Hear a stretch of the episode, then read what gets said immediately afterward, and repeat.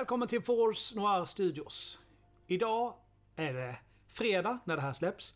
Och det innebär normalt sett den här fredagen i månaden att det är Wow Friday.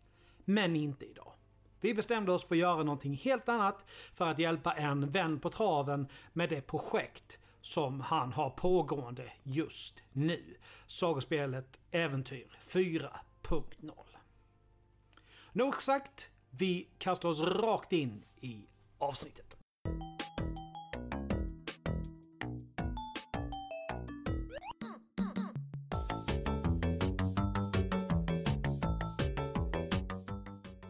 Ja, det är fredag, men det är inte vovfredag som ni nog säkert har räknat ut. Vi gör någonting helt annat idag.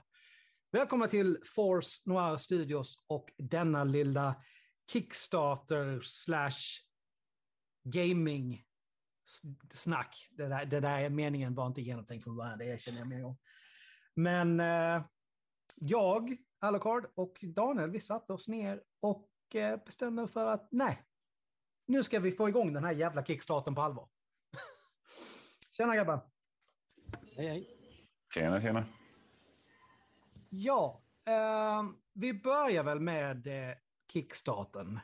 Helt enkelt tycker jag. Det är väl den enda som är enklast att börja i. All right. Första frågan, Alucard. Oh, är det jag? Ja, det är du. Oh, först ut. Ja. Aha, nice. Mm. Daniel, du. Ja, Sagospelet Äventyr. Inspirationen till detta spel, och då men, tänker inte jag i form av andra spelsystem eller andra tidigare rollspel, men liksom så här, vad var inspirationen till att skapa det här från första början? det var ju min dotter, hon var fyra fem år när vi började. Vi, hon, hon, hon har alltid gillat att spela spel. Eh, hon har spelat Talisman liksom när hon gick tidigt på dagis. Hon, Oj. hon greppade reglerna men hon, eh, hon var aldrig intresserad av att vinna utan hon samlade på sig guld istället. Och hennes rekord var nog 27 guld vid samma tillfälle. Eh, eh, då, då, då, då, då hade hon fått ett kort som heter Alkemisten som förvandlade alla saker hon hittade till guld. Talismaner, magiska svärd, lansar, allt blev guldmynt. Eh, men, men, men i alla fall, hon är som uppvuxen med spel och när hon var ja, men runt 4-5 så hittade hon mina gamla Dungeons and Dragons miniatyrfigurer. Mm. Och så ville hon leka med dem. Så att vi, vi lekte lite grann och eh, efter ett tag så, så tyckte hon själv, det var hennes idé, att vi skulle börja slå tärningar för att se hur det går så det blir, blir som i spelen som vi spelar. Mm. Eh, så att mycket av liksom starten, det var, det var aldrig tänkt att bli ett spel från början utan det var, det var tänkt att leka en lek mellan pappa och en dotter liksom och sen Sen när vi hade gjort det där ett bra tag så insåg jag att vi har ju lagt fram ett regelsystem så jag skrev ner det och så släppte vi en pdf och så ja, är det därifrån. Är ju rätt Ja. imponerande, för jag menar, alltså visst, Talisman är väl kanske inte det mest avancerade regelsystemet som finns. Mm. Men det måste ju te sig ganska avancerat för någon i den åldern, tycker jag ju. Så det, är- det är rätt imponerande. Alltså, li, lite hjälp fick hon väl förmodligen av, av oss vad som hände när hon... Fast hon var ändå ganska så här lillgammal och smart för sin ålder. Det, det ska Mm. jag ge henne. Men, men eh, hon, hon accepterade alltid att, att hon förlorade. Så länge hon, hon fick ihop lite guld så var hon nöjd. Alltså, jag har ju spelat rollspel med många vuxna människor som spelar rollspel precis på samma sätt som din dotter gör. Eller gjorde. Så att det, det låter ju precis, det är ju vuxennivå på det spelet. Tycker jag. ja. Men, Ja. ja. men en vä vä- väldigt fin, väldigt bra anledning till att skapa ett rollspel. Tycker jag i alla fall. Det, Mm. det låter det som. Kul. Men eh, nu är det ju så här, nu ligger det ju en ny Kickstarter ute för Sagospelet Äventyr 4.0. Mm. Vad är den stora skillnaden mellan det spelet vi pratade om precis och 4.0? Oj, om vi går tillbaka ända till första utgåvan så är det ju ändå ganska, ganska stor skillnad. Vi, för det första så hade vi en regelbok som var typ, jag tror den var 32 A5-sidor. Eh, och då utgjordes reglerna av om det var, jag tror det var två, tre sidor sammanlagt som var riktiga regler och resten var utrustning och, och så här, klipp ut grej, kort från, från boken för att använda när du spelar och så vidare. Så att det var, det var ett väldigt litet spel från början. Även, även om grundsystemet med T10 och du ska slå under ditt egenskapsvärde och så här är kvar så, så har det ändå vuxit mycket. Vi har tagit in möjligheten att använda färdigheter. Eh, du kan ha eh, alltså använda förtrollningar på ett annat sätt lite grann. Det, det finns chans att du misslyckas när du använder förtrollning och, och vi, framförallt har vi byggt ut stödet till, till sagoberättaren, alltså den äldre eller den vuxna spelare som håller i spelet. Från början så, i, i och med att vi gjorde det här, det var som inte planerat, så hade vi inget, inget sånt material alls från början. Eh, utan det var ju det var ju våran grej, våra spelare tänkte om vi får någon nedladdning så är det ju roligt. Sen, sen så var det hundratals, långt över tusen nedladdningar liksom på kort tid. Eh, och då förstod vi att det kanske fanns ett visst intresse. Så vi, vi slog på stort och så tryckte vi upp 50 exemplar av, en, av det här regelsystemet på, som, en, som ett fanzin. Eh, och det såldes ut på en vecka och då tänkte vi att ja, vi måste gå vidare nu. Så mm. tog vi det. Men, men, men så att det, det har hänt väldigt mycket. Även, även om själva grunden är, är densamma så, så, så har det hänt en hel del med, med själva spelet sen den allra första utgåvan. Mm. För att det, det, är ändå värt att nämnas, det här är ju ett rollspel som främst kanske är riktade för att en vuxen ska kunna spela med sina barn, om att jag har missförstått det. Ja, eh, det stämmer. Det är, det är ett familjespel och det är väldigt, jag vet att det är väldigt många pedagoger som spelar det på fritids också med, med barnen där. Eh, och eh, sen vet jag ju också att det finns vuxna som spelar som ett väldigt, det är ett ganska enkelt pick up and play-spel. Det, det är väldigt regellätt och, och, så du, och du kommer in i systemet väldigt fort så att det, du kan komma igång och spela på liksom en tio minuter, en kvart. Eh, vilket många tycker är kul som, som omväxling då. Ja. Inte de här 500 sidors regelböckerna man ska traggla sig igenom alltså. Nej. Ja. Det, det var ju när, när, vi väl bestämde oss för att göra något riktigt av det så var ju en av målsättningarna att för på den tiden, det, det är tio år sedan nu, så, så fanns det inte så många nybörjarspel utan de flesta spel som kom från jag säger, mitten av 90-talet och fram till 2000 någon gång, 2005, 2010 kanske, ja, ännu senare, det, det var ju spel för de som redan spelade. Mm. Eh, det var inte någon nybörjarspel utan vi, så vi tänkte att då, då gör vi det. Nu, nu har vi ju ett enkelt spel och om vi bygger om det lite så kanske det blir ett, ett bra nybörjarspel som, som andra kan ta till sig också. Mm. Ja, men alltså det är ju någonting som alltid har varit ett stort problem någonstans ifall vi säger, nej men vi tar ett exempel här nu, liksom att nej men jag vill verkligen spelleda det här, men jag har dyslexi och nu har du en 400 sidors bok framför dig som du mer eller mindre måste komma igenom för att du ska kunna spelleda det. Mm. Ja. Det, det, sätter ju ett stort hinder för, för alltid, alltihop. Liksom. Det... Ja, jag, jag, är som lite kluven själv. Jag, jag, jag, alltså, jag, jag föredrar ju att, att spela och spelleda system som är väldigt enkla som Stars D6 eller mm. Eh, gamla BRP eller någonting. Men eh, jag uppskattar också de här väldigt tjocka, långa regelböckerna bara för att jag tycker det är fint att titta och läsa och bläddra i dem. mm, ja, precis. Sen är det ju det med att försöka få in nya spelare i hobbyn oavsett ålder. Alltså de här stora, även om man bara är en spelare så alltså, det kan ju bli lite väl mycket att ta in också med alla de reglerna som finns i de flesta spelen idag.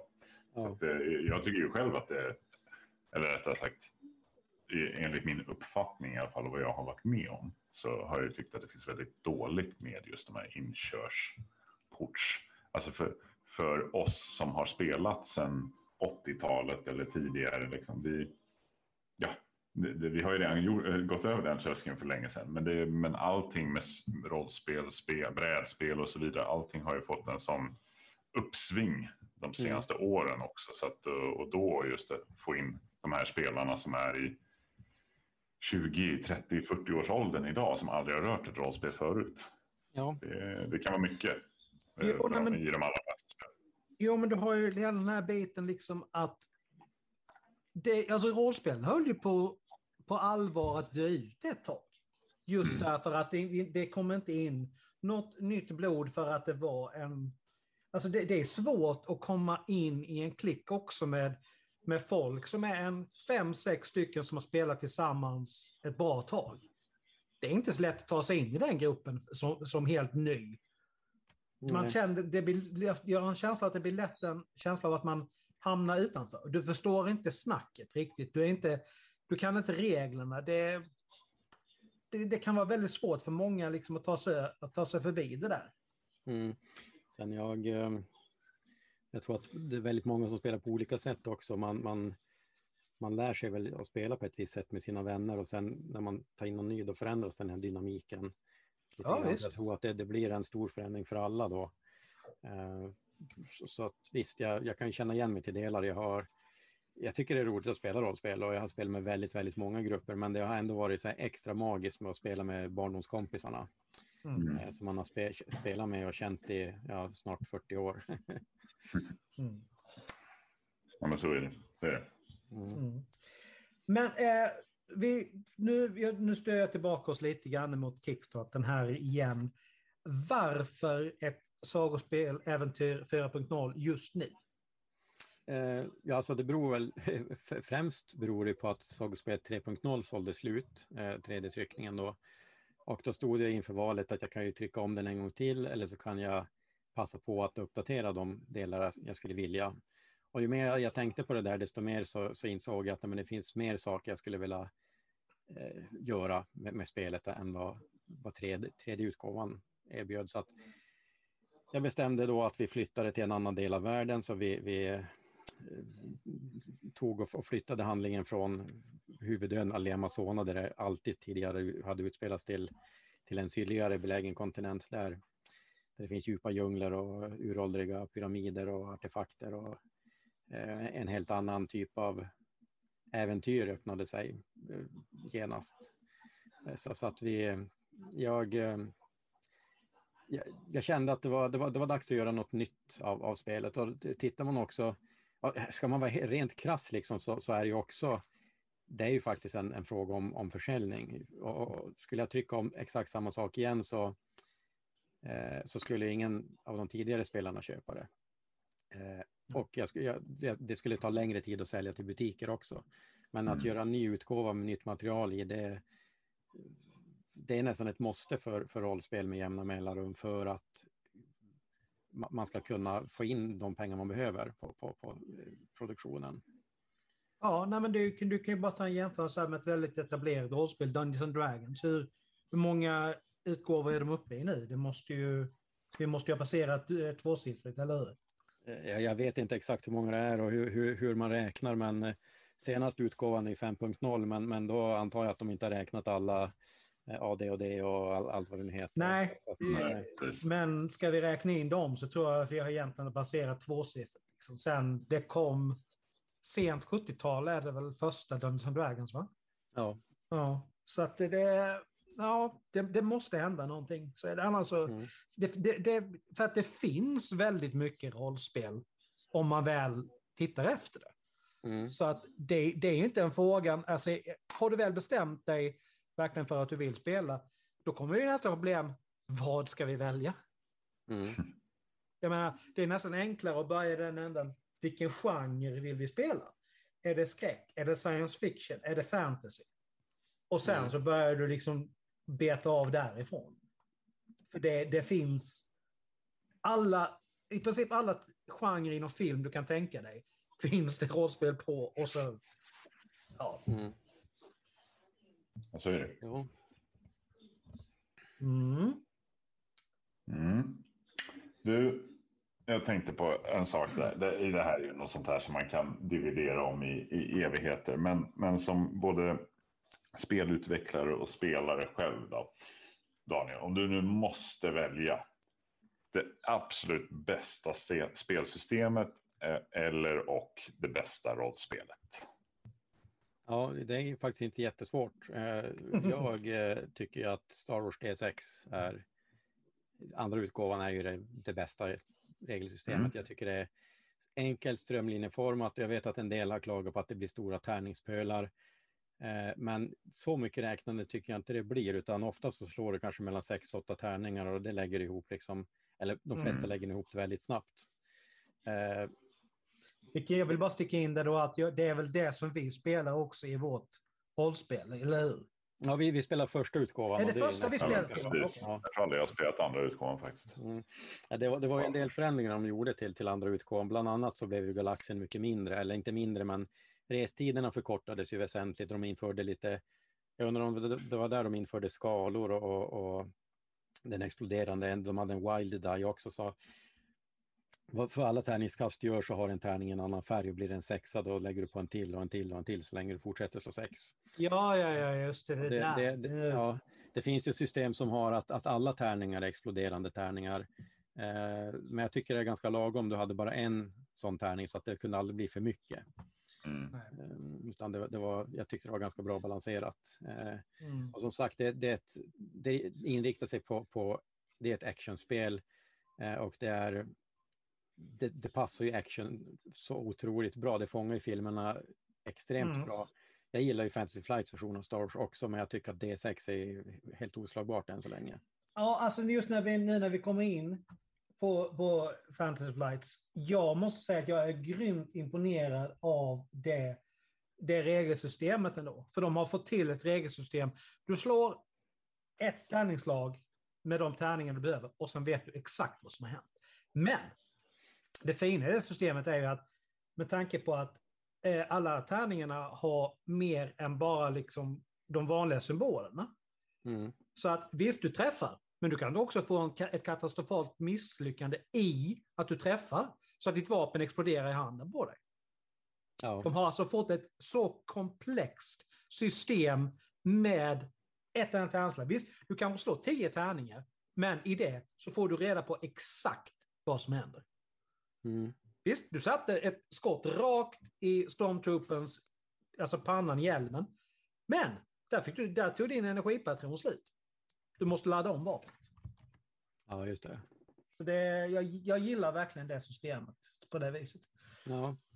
Jag har, inte, jag har inte aldrig spelat utan jag har ju bara läst böckerna. Eh, Mm. Så det, man ska väl kanske...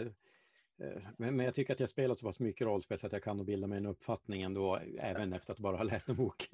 Inbillar jag mig i alla fall. Men det blir ju någonstans så om du, är, om du har spelat så pass länge som vi har gjort alla tre. Mm. Du ser, du, kan, du ser vad det står, du kan dra paralleller mellan andra system. Så att du får liksom ganska snabbt en uppfattning ändå. Mm. Precis. Mm. Jag har läst otroligt många fler böcker än vad man har spelat spel i alla fall. Åh herregud ja. Det har en hel bokhylla som bara är full med rollspel. Och jag har ju alltså verkligen bara läst, liksom, du har ju senaste MUTANT. Helt Mm. svenska där är ju det senaste Vampire sen eh, Paradox är det väl, tog över för, efter White Wolf. Alltså det, jag har bara liksom fått en chans att läsa dem och tycker det är helt, men jag har, jag har inte haft en chans att spela dem. Eller spela dem. Så att jag vet, jag kan bara hålla med. Det, Men eh, för att avsluta den frågeställningen då Daniel. Mm. Det är, då, är det då även det bästa rollspelet? Ja, jag tror det totalt sett. Det, Systemet. det har ju fått otroligt bra stöd i, i form av supplement, regelböcker och äventyr.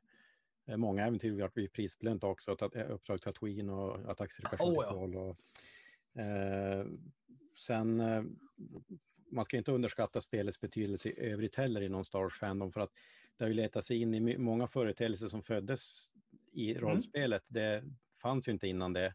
Och det har ju letat sig in i, i filmer och, och eh, tv-serier. Star Rebels använder ju väldigt mycket från Star Wars-rollspelet. Eh, I i eh, Last Jedi så hör du ju de här eh, viskningarna om Jedi- Jedi-koden. Det är ju också någonting som hittades på i rollspelet. Så att det är ju det är så fantastiskt att det har fått sånt genomslag. ja. Mm. Ja, verkligen. Men eh, då ställer jag samma fråga till dig, Eldecard, faktiskt. Vad, vad, vad säger du? Uff, den var inte jag beredd på att svara på. Det har inte funderat på. Men alltså så här, jag, för att inte lägga alldeles för mycket eh, tid och tanke bakom det. Så här, ett spelsystem jag verkligen, verkligen gillar och har spelat alldeles för lite av och verkligen vill spela mer av. Det är Deadlands. Eh, alltså det systemet med, eh, det är så, känns så unikt. Alltså, jag, sen gillar jag ju själva spelvärlden också, liksom den här horror western eh, världen och, oh. och spelsystemet. Där man spelar med, ja absolut, du använder ju tärningar och sånt där också, men du använder också eh, kortlekar, alltså vanliga 52-korts kortlekar. Eh, du använder pokerchips och grejer och liksom bettar egentligen dina chip som du kan vinna under spelets gång på att det ska gå bättre i, eh, oh. i strider och så vidare och kan spara på vissa. Jag har fortfarande, jag har inte spelat det på flera år, men jag går fortfarande och bär på ett tre stycken legendary chip som ska användas vid något tillfälle när jag väl får spela det igen. Nu har jag inte spelat det på många år, men det är sådana man får under spelets gång och de kan man inte spara hur länge som helst tills man använder dem. Eh, okay. och, och, just där kortlekarna, och jag började att spela, då spelade jag en, en magiker också som och då skulle man inte bara ha en kortlek, då skulle man ha flera kortlekar. Och hela grejen var så kul om man bara gick ut och, på nätet och letade efter de snyggaste kortlekarna för att beställa hem liksom, för att ha till spelet. Och, så här, och de som passade bäst till western-settingen och så vidare. Så, nej, det är mm. väldigt unikt.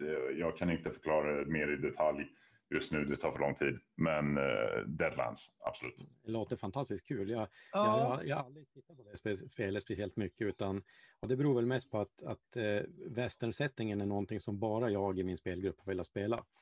Eh, mm. Så vi har varken spelat vanliga western eller Deadlands eller liksom något annat som är inspirerat av det. Utan, utan de andra liksom bara, hm, nej, det där är inget för oss.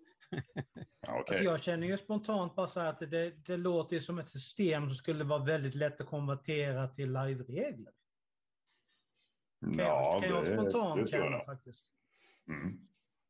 Där, där har jag väldigt lite erfarenhet också, kan jag inte säga så mycket om. Ja, jag, har, jag har arrangerat så många Vampire Live så det... Mm. Ja, så det... Ja, ja. All right. Och, ja. Alexander då, du ska inte slippa undan. Ja, men precis. eh, mycket för att jag kan systemet bäst. Vampire the Masquerade eh, version 3. Är det, är det den med rosen på omslaget? Ja, eller? precis. Det. Mm. det här gröna, djupgröna marmor... Eh, bådet det ska vara, så en, en här röda rosen på.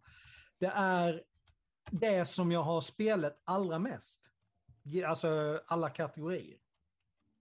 Så att jag kan, mm. jag kan, jag skulle nog kunna plocka upp boken, bara skumma igenom reglerna och så kan jag, liksom, kan jag, kan jag börja spela det. Jag har kört så mm. många gånger. Och hela World of Darkness och Vampire-världen kan jag också så väl på grund av alla eh, Vampire Life som jag har gjort, som jag, som jag har arrangerat och som jag också har varit på. I mm. Blekinge, där som jag kommer ifrån, har vi alltså en ganska lång Vampire-tradition, eh, alltså med live, som sträcker sig tillbaka till när Likström i Karlskrona började med, eh, vad kan det ha varit, 86, 87 kanske? Ja, just det. Mm. För det allra första Vampire kom ju någonstans, jag ska inte, jag ska inte säga för mycket, men jag, det, det var 90-talet någonstans, när det första versionen. Den här version 3 jag pratade om kom ju ut 93 eller 94. Mm. Och den känns väldigt genomarbetad. Jag gillar TT-systemet som det använder. Det, så det... Personligen både gillar jag och hatar det, men det är också just tredje, den utgången, jag tänkte inte ens på att det är tredje, men det är den, den, den gröna i alla fall. Det är mm det är nog ett av dem jag har spelledat mest också genom åren. Eh, eller spellätt heter det. Vad är det du inte gillar med det då?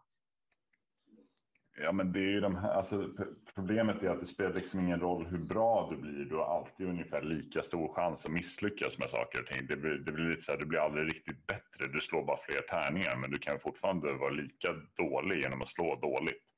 Eh, på något sätt. Jag vet inte. Den... Det, det är inte så att eh, risken blir mindre om du har fler tärningar? Eller? Nej, det, inte så. Nej. det är det det inte blir. Okej. Okay. Uh, det är väl lite det. Men, alltså, men annars är, alltså, sen älskar jag ju World of Darkness. Liksom, så det, ja. jag, jag bortser ju från de där grejerna när man väl spelar det. Uh, men, uh, ja, men det är väl lite det. Men jag, jag jag, det var ju något av de första spelen jag spelade också och eh, jag kommer ihåg någon kampanj jag körde där. Alltså vi tror det var så här 12 pers i gruppen eller någonting. Mm. Och här, aj, vi kan ta det en annan gång, men det, var, det, det, det, det, blev all möjlig blandning av olika genrer och grejer i den världen. Det var allt ja. från meckas till uh, fantasy till uh, vampyrer till, ah, det var, det var tidigare.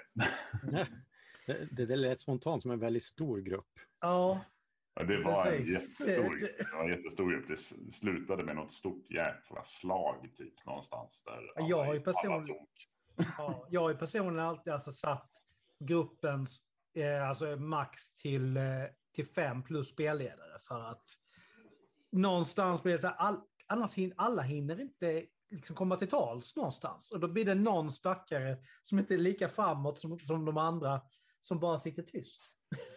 Som, som vuxen gör jag det också, men det här var ja. när vi var tonåringar och grejer, då var det Kom, vadå, vill du vara med? Kör bara. Det är ja. bara hopp på, in med er allihopa. Väldigt kort sidospår då, bara har ni sett serien som Aaron Spelling gjorde som är baserad på eh, första versionen av Vampire Masquerade? Kindred the Embraced. Ja, den är faktiskt det... riktigt jävla häftig. Visst kom det typ bara en säsong eller något? Ja, ja jo, därför, att, därför att Mark Frankel, han som spelar eh, prinsen där, Julian, mm. körde in i ett träd med sin bil och dog Aha. mellan säsongerna. Och det gick liksom inte. Han var så nyckelperson, det gick verkligen inte att fortsätta utan honom. Ja, och det, alla var överens om det, liksom. det vi, vi, kan inte ersätta honom. Nej. Det, men eh, som sagt, väldigt eh, sidospår här. Ska, ska vi fortsätta? Ja, men du Daniel, jag, jag har en fråga eh, om det är okej. Okay. Ja. ja. Eh, jag tänkte på det. Nu för tiden så om jag, du får ju rätta mig om jag har fel. Men det här är ju någonting, spelutveckling och så, det är ju någonting du pysslar med ändå på heltid, ditt eget företag och så. Men det har väl inte alltid varit så? Och jag bara tänker så här, hur, hur är skillnaden? Alltså, hur känns det så här att ha någon, det här gör man som deltid, som ett jobb, eller så här, det här är mitt liv. Det här det gör jag på heltid, det är mitt företag, det är min familj, det är mitt liv. Mm. Eh, alltså det är ja. ju man får ju kasta sig ut lite grann. man, mm. man får ju se till att, att, att uh, försäljningen flyter på. Att, uh, jag, jag menar, det, jag, jag, jag har ju samtidigt hört, jag har hört väldigt skilda åsikter där. Det är en del som tycker att man är sellout för att man tjänar pengar på det man gör. Mm. Vilket är lite svårt att förstå. för att, ja, det är ja, ja, det, det, det, då, då, kan, då, kan man ju lika gärna vända på det och säga att ja, men det, man, man, har man ett annat jobb vid sidan om och gör det bara för att det är kul, då kanske man inte tycker om det nog mycket. Jag, jag vet inte. Det, ja. jag, jag, tycker att det, det, är en dålig grej att säga också, men, men man... man eh, eh nej, men det, ja, jag tycker det är jätteroligt och eh, en... Eh, nu gör jag inte det här helt och hållet på heltid, utan jag har ju vi har ju uppdrag åt fria ligan också. Vi agerar kundsupport mm, ja. till exempel. Ja, men, men, det är ju ändå jag andas och, och, skriver och pratar och supportar rollspel eh, nästan mm. dygnet runt. mm. Men eh, då, då, får, ja. då är det en fråga som dyker upp i huvudet på, på mig sådär då. Hur kommer det sig att det blev support åt fria ligan? Vad, hur, vad är storyn där? Oj, eh, undrar hur det var. Det var ju... Jag, jag, tror att det är faktiskt ett år, precis ett år jag har jobbat som support idag. Eh, jag tror jag började första mars i fjol. Och det var väl så mer att jag hade, hade hört att det behövdes folk eh, och jag skrev till, till Thomas och eh, vi snackade lite och jag träffade Mattias eh, Jonsson Haked och eh, nej, men på den vägen är det väl. Eh, så, så jag har supportat sedan dess och det har blivit mer och mer och nu, nu är ju min fru också inblandad så att vi sitter båda två och svarar på mejl och letar mm. paket och ja, sånt. Mm. Mm. Ja. Oj. Oj, vadå? Det prasslar helt plötsligt som bara den. Ja, jag får be om ursäkt. Det Nej, det, från det, bakgrunden här. Det är ingen fara. um, ja. Jag, jag har faktiskt en, en, en till fråga när vi ändå är inne på mm. eh, det här med liksom jobba på det med, med, på heltid och grejer. Och jag, Jag bara, bara här, eh, li, lite djupare men inte för djupt. Min tanke är, alltså, hur, hur, mycket tid hur mycket tid tar det här? Alltså hur mycket tid kräver det av dig? Liksom, hur mycket hjärta och själ måste man lägga in i utvecklingen av, ett, av en sån här produkt tills man kommer fram till slutprodukten? Alltså hur, hur många timmar, år, dagar? Alltså, Uh, nu, nu, nu, ställer du en fråga som jag måste tänka efter och risken är att jag börjar må dåligt om jag inser hur mycket tid jag för det. Då ska du inte svara på den. Nej, men det, det, det, är nog alldeles för mycket tid. Nu, Jag menar, det här är ju... Det har ju alltid varit min hobby sedan 83, mm. 84 någon gång. Så har jag ju varit inne i rollspelen och jag har... Eh, när jag inte har, har jobba med det så har jag alltid... Vi, vi startade ett fanzine när vi gick i typ sjuan eller åttan någon gång och sen så körde vi på med det igen ja, fram till år 2000 eller någonting så att vi, vi publicerade väl 19 nummer tror jag.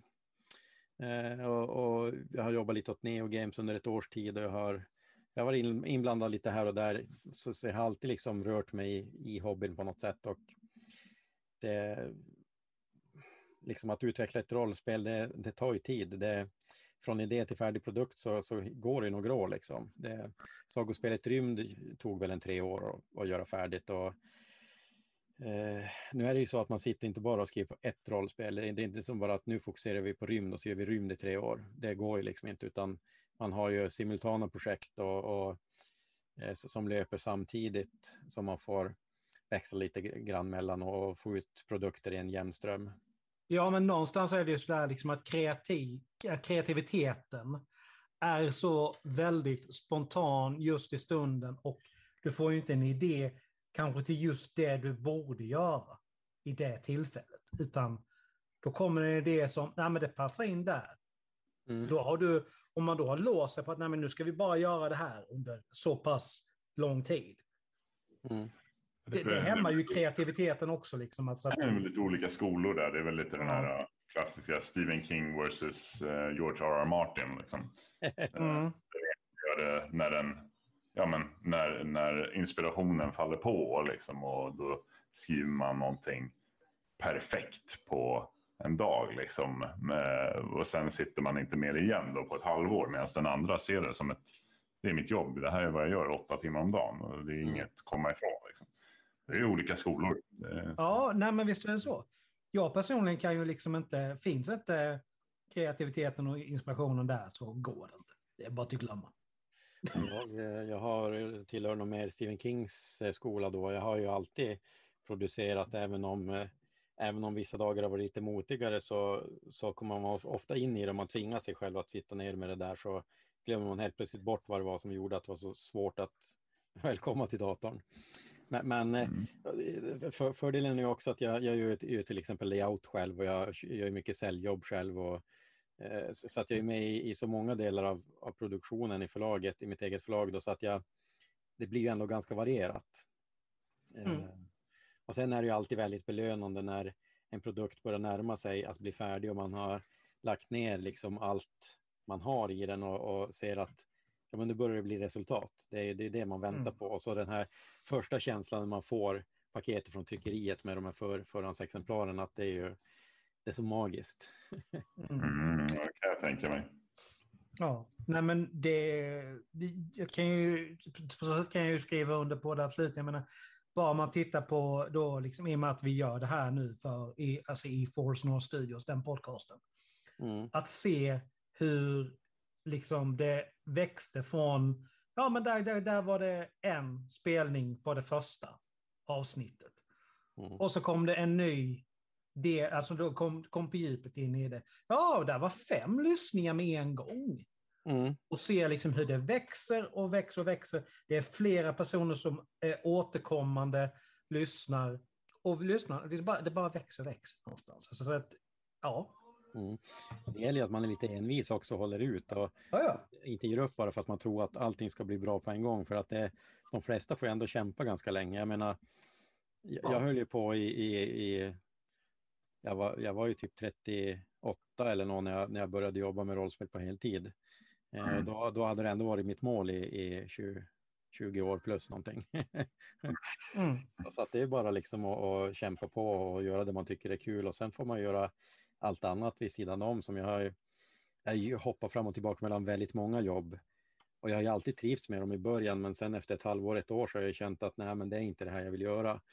Mm. Men, men det enda jag liksom alltid har stannat vid är ju rollspelen. Det, det, det är alltid det jag brunnit för och det är det jag har gjort samtidigt som jag jobbar med annat. Ehm, så nej, men jag, jag tycker jag befinner mig på ett väldigt bra ställe i livet just nu. Mm. Men du kan ju bara ta, ta jämföra det med, med, med de som har stora YouTube-kanaler idag. Alla säger ju exakt samma sak. Mm. Det är bara till att se till att få ut material och bara håll ut. Det händer inte över natten. Det kan ta alltså ett, två, tre år innan du mm. har liksom fått en så pass stor krets som tittar på det du gör. Så att, eh. mm. Jag, jag, brukar, ett exempel som jag gillar väldigt mycket det är ju Meatloaf uh, Bet Out of Hell-skivan. Mm. Den floppade ganska stort när den kom och sen så gick det en tid när någon liten radiostation hittade den och tyckte det här var ju bra så började de spela och sen spred det sig som en löpeld liksom. Eh, då hade väl han förmodligen själv också räknat ut att det någonsin skulle bli någonting av det där. Eh, så, så, att eh, det är rätt tillfälle, rätt person och, och det mm. är bara att jobba på. Mm. All right. Vad, ja, fortsätt. vad, vad, vad, tror, vad tror vi nu då? Daniel, vad tror vi om kickstarten? Hur, hur känns det eh, som det är idag?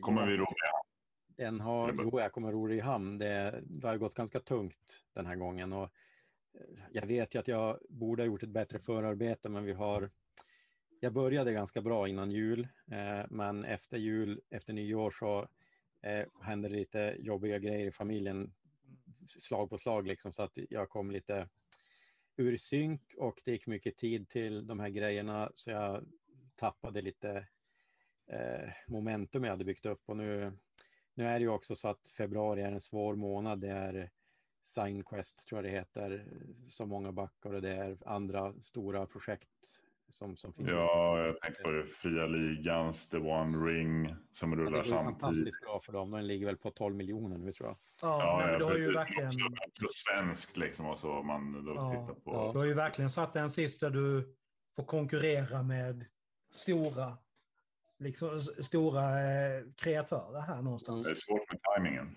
Ja. Alltså, i, I och med att man måste bestämma datum och så här ganska långt innan för att hinna pusha fram någonting. Det, det är ett långsiktigt arbete så, mm. så är det svårt att förutse alltid vad som kommer att hända och vilka andra som kommer att vara aktiva då. Mm. Eh, men, men, det är bara att köra på. Det, sen är det ju också, jag vet att det är många som tycker att man som ett visst, om, om, om man når en viss storlek så man inte behöver gå på Kickstarter, men det, det är samtidigt ett oslagbart marknadskanal och, och Verkligen. Jag, jag, jag, jag, kan som inte se att det, det skulle finnas någon anledning för företag att inte gå dit. Eh, det, det är... Ja. Nej, jag menar även om man har pengarna till det, alltså varför inte? Du vet, då vet man ju, då har man på papper, ja men så här många förbokningar har vi. Titta här. Mm. När vi går till investerarna och sånt, alltså för de riktigt stora. Mm. Eh, mm, men en fråga som dyker upp för mig så här blir ju, varför Kickstarter, varför inte Patreon? Ja, jag har provat på Patreon också, men jag har känt att i Sverige är det mycket svårare att nå ut med Patreon. Eh, jag, dels är det väl det att jag inte varit så aktiv som jag borde där. Dels så under, under en period när jag var aktiv var det ändå svårt att få, det var många som gillade det jag gjorde liksom, men det var det är svårt att få, få följare som betalar en månadskostnad. Eh, då, då är det mm. lättare med en Kickstarter där, där de lägger pengar en gång. Ja. Eh, nu är ju må, många av mina kunder är ju också barnfamiljer som kanske inte är egentligen frekventa Kickstarter-arbetare eller är bekanta med Patreon och så vidare. Så att då tror jag att det är ett mindre steg att gå till, till Kickstarter där det ändå påminner lite grann om en webbutik. Du, du köper en produkt och du... Mm. Eh, och jag har ju också sett till att försöka anpassa liksom leveranstider och så här så att nu, nu är ju allt färdigt på spelet. Det, det är skickat på tryck till och med. Jag, skulle det bli så att vi låser upp några stretch goals så lanserar jag, eller säger till tryckeriet, ja men då trycker ni den här grejen också så att det, eh, det kommer att vara en väldigt snabb leverans. Vi, vi får grejerna typ några veckor efter Kickstarter slutar och sen, sen skickar vi ut dem på en gång så att det, vi, har, vi har verkligen försökt anpassa så att det blir så smidigt för kunden som möjligt. Mm. Det känns ju ändå väldigt positivt jämfört med de många ja. stora som är så här, ja, när kickstarten är slut då, då kan vi räkna med ett och ett halvt år tills produkten kommer. Liksom. Ja. Mm. Men eh, då, då, måste jag ju bara fråga sig, hur ser kickstarten ut just nu? Jag eh, tror att den låg på 40, kan det vara 41, 42 000 någonting tror jag. Oj! Eh, det är inte mycket, vi, vi, vi vill ju ha in 50 då för, för ja. trycket, men eh, och det, det kommer ju att komma i mål, men det är ju 15 dagar kvar och, och eh, jag vet att folk har sagt att de ska backa och så här, men, men ändå att vi, vi hade nog räknat med egentligen att vara i mål första dagen, men det är nog, mm. det är nog att jag tappade hela marknadsföringsperioden där januari, februari var jag inte alls aktiv. Mm. Så att jag hann nog inte bygga upp nog stor följarskara för att vi skulle, för, för det tar lite tid att hitta hem barnfamiljerna. Så är det ju. Mm. De, de rör sig inte alltid på samma forum som, som vi gör. Eh, och när vi körde vår första Kickstarter-kampanj så hade jag ändå en del kontakter i media så att vi var med i, i tv och i, i radio och vi var med på Musikhjälpen och, och så vidare. Och det är klart att det hjälpte ju till att synas. Mm. Nu, nu, har inte jag kvar de här kontakterna för de har slutat eller bytt jobb eller liksom så här. Hej då. Så att då måste man börja om på nytt och det, det, är ett jobb som jag inte riktigt orkar ta itu med heller men det, det kommer väl det också. Eh, så mm. att eh, sen vi, förra kickstarten jag gjorde för Sagospelet Rymd, då hade vi en butiksnivå. Nu valde vi att hålla butikerna utanför och de har fått göra förbokningar istället så att de här 40 000 eller 41 000 som vi har nu, det är ju i själva verket är det mycket mer pengar om man räknar mm. in alla förköp. Men, mm. men det är klart att vi hade hoppats att, att eh, privatkunderna redan skulle ha tagit oss i mål. Ja. Det, det, ska man inte sticka under stol med. Liksom. Det, det, men med lite hårt arbete så ska det väl gå vägen. Mm. Men om det nu är då så att eh, man lyssnar på det här och känner att man skulle vilja backa så kan man ju då antingen ta och gå in och söka på Sagospelet Äventyr 4.0 och Kickstarter, den kombinationen, så borde man kunna hitta det. Och vi kommer även att lägga upp länken i, um, i avsnittsbeskrivningen till det här avsnittet när det, nu när det ligger uppe. Uh, I övrigt också så finns det ju en Facebook-sida, eller hur? Ja, jajamän. Ja, och eh, det finns även eh, en länk på Force Noir Studios Facebook-sida som man kan följa för att backa. Mm. All right, ska vi ta och uh, avrunda det här? Klockan har tickat iväg. Tiden går fort när man har roligt. Ja, nej, men så är det ju. Det gör det. Och prata rollspel är aldrig fel. Ja, nej. men visst är det så. Men jag tänker på någonting som vi pratade om innan här, att det är svårt att komma in i en redan existerande grupp. Mm. Och det jag känner bara är att mycket av det ligger ju faktiskt på hur i, de som redan är i gruppen agerar. Mm. Så att min uppmaning någonstans skulle bli att var inte rädda för att släppa in nya spelare. Bara personkemin stämmer mellan dem i gruppen någonstans. För funkar inte den, då kommer det tyvärr inte funka i alla fall. Mm. Lite krast, men så blir det någonstans. Va?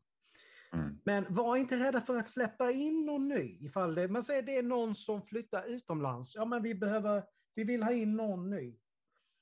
Ta och sök till Facebook. Det finns bräd och rollspelsforum där ni kan leta efter folk. Känn er för lite grann, men släpp in och var inte rädda för nybörjarna. Nej, absolut inte. Mer, mer rollspelare. Mm. In med dem bara. Ja. Fler desto bättre. Precis. Eh, om jag, om jag bara får slå lite på egen trumma nu. Ja, varsågod. Jag rollspelare, det, jag har ju varit ut väldigt mycket på bibliotek och fritidsgårdar och så här och spelat med, med barn, eh, ibland med barnfamiljer. Eh, och med, framförallt när vi gjorde handbok för superhjältar och även senaste åren med Sagospelet Äventyr så har vi nått utanför den här gruppen av nostalgiska föräldrar som släpar dit sina barn för att de ska få spela samma som mamma och pappa gjorde när de var små. Utan nu är det ju när, när, när, vi kommer med spelet och bibliotekarien har tagit dit och så vet oftast barnen och föräldrarna inte vad är det här. Liksom. De, de, var är spelplanen?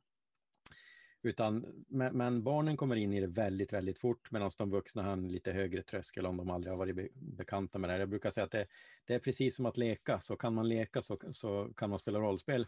Varpå faktiskt ganska många vuxna brukar svara, men jag kan inte leka, jag har inte kunnat leka sedan jag var liten.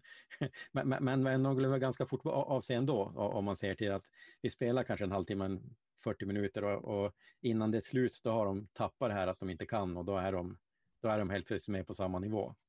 Så, så att det, är, det är jättekul och, och jag hoppas att vi på det här sättet, jag spelar med mellan 1000 och 2000 barn någonting genom åren, så jag hoppas att i alla fall en, några stycken av dem har gått vidare och blivit rollspelare.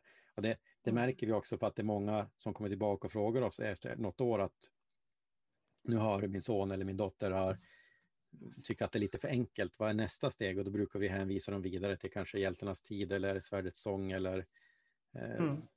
Mm. Ja, så, så, att man får... Eh, för jag tror ju att vi har genererat en del nya rollspelare i alla fall, det tror jag. Mm. Ja, men det är ju jättekul. Mm. Um, vi, jag tänkte på det, vi kommer även att lägga länken till uh, företaget i sig alltså i, i, för, i avsnittsbeskrivningen. Så att om det kanske är någonting annat som folk tycker är intresserade och vill, vill köpa så finns den länken där också. Ja, nej men då så. Då eh, är det här eh, specialavsnittet av eh, podden slut. Ja, tack för att ni hjälpte mig att göra det här. Eller hur man ska. Tack själv ja. för att jag fick hjälpa till. Ja. ja, tack själv för att jag fick vara med. Mm. Ja, ni, jag hoppas att ni som lyssnar har fått ut någonting av att vi har suttit och svamlat här, men ni får ha det så bra så eh, hörs vi i eh, nästa avsnitt, vad det nu blir i podcasten.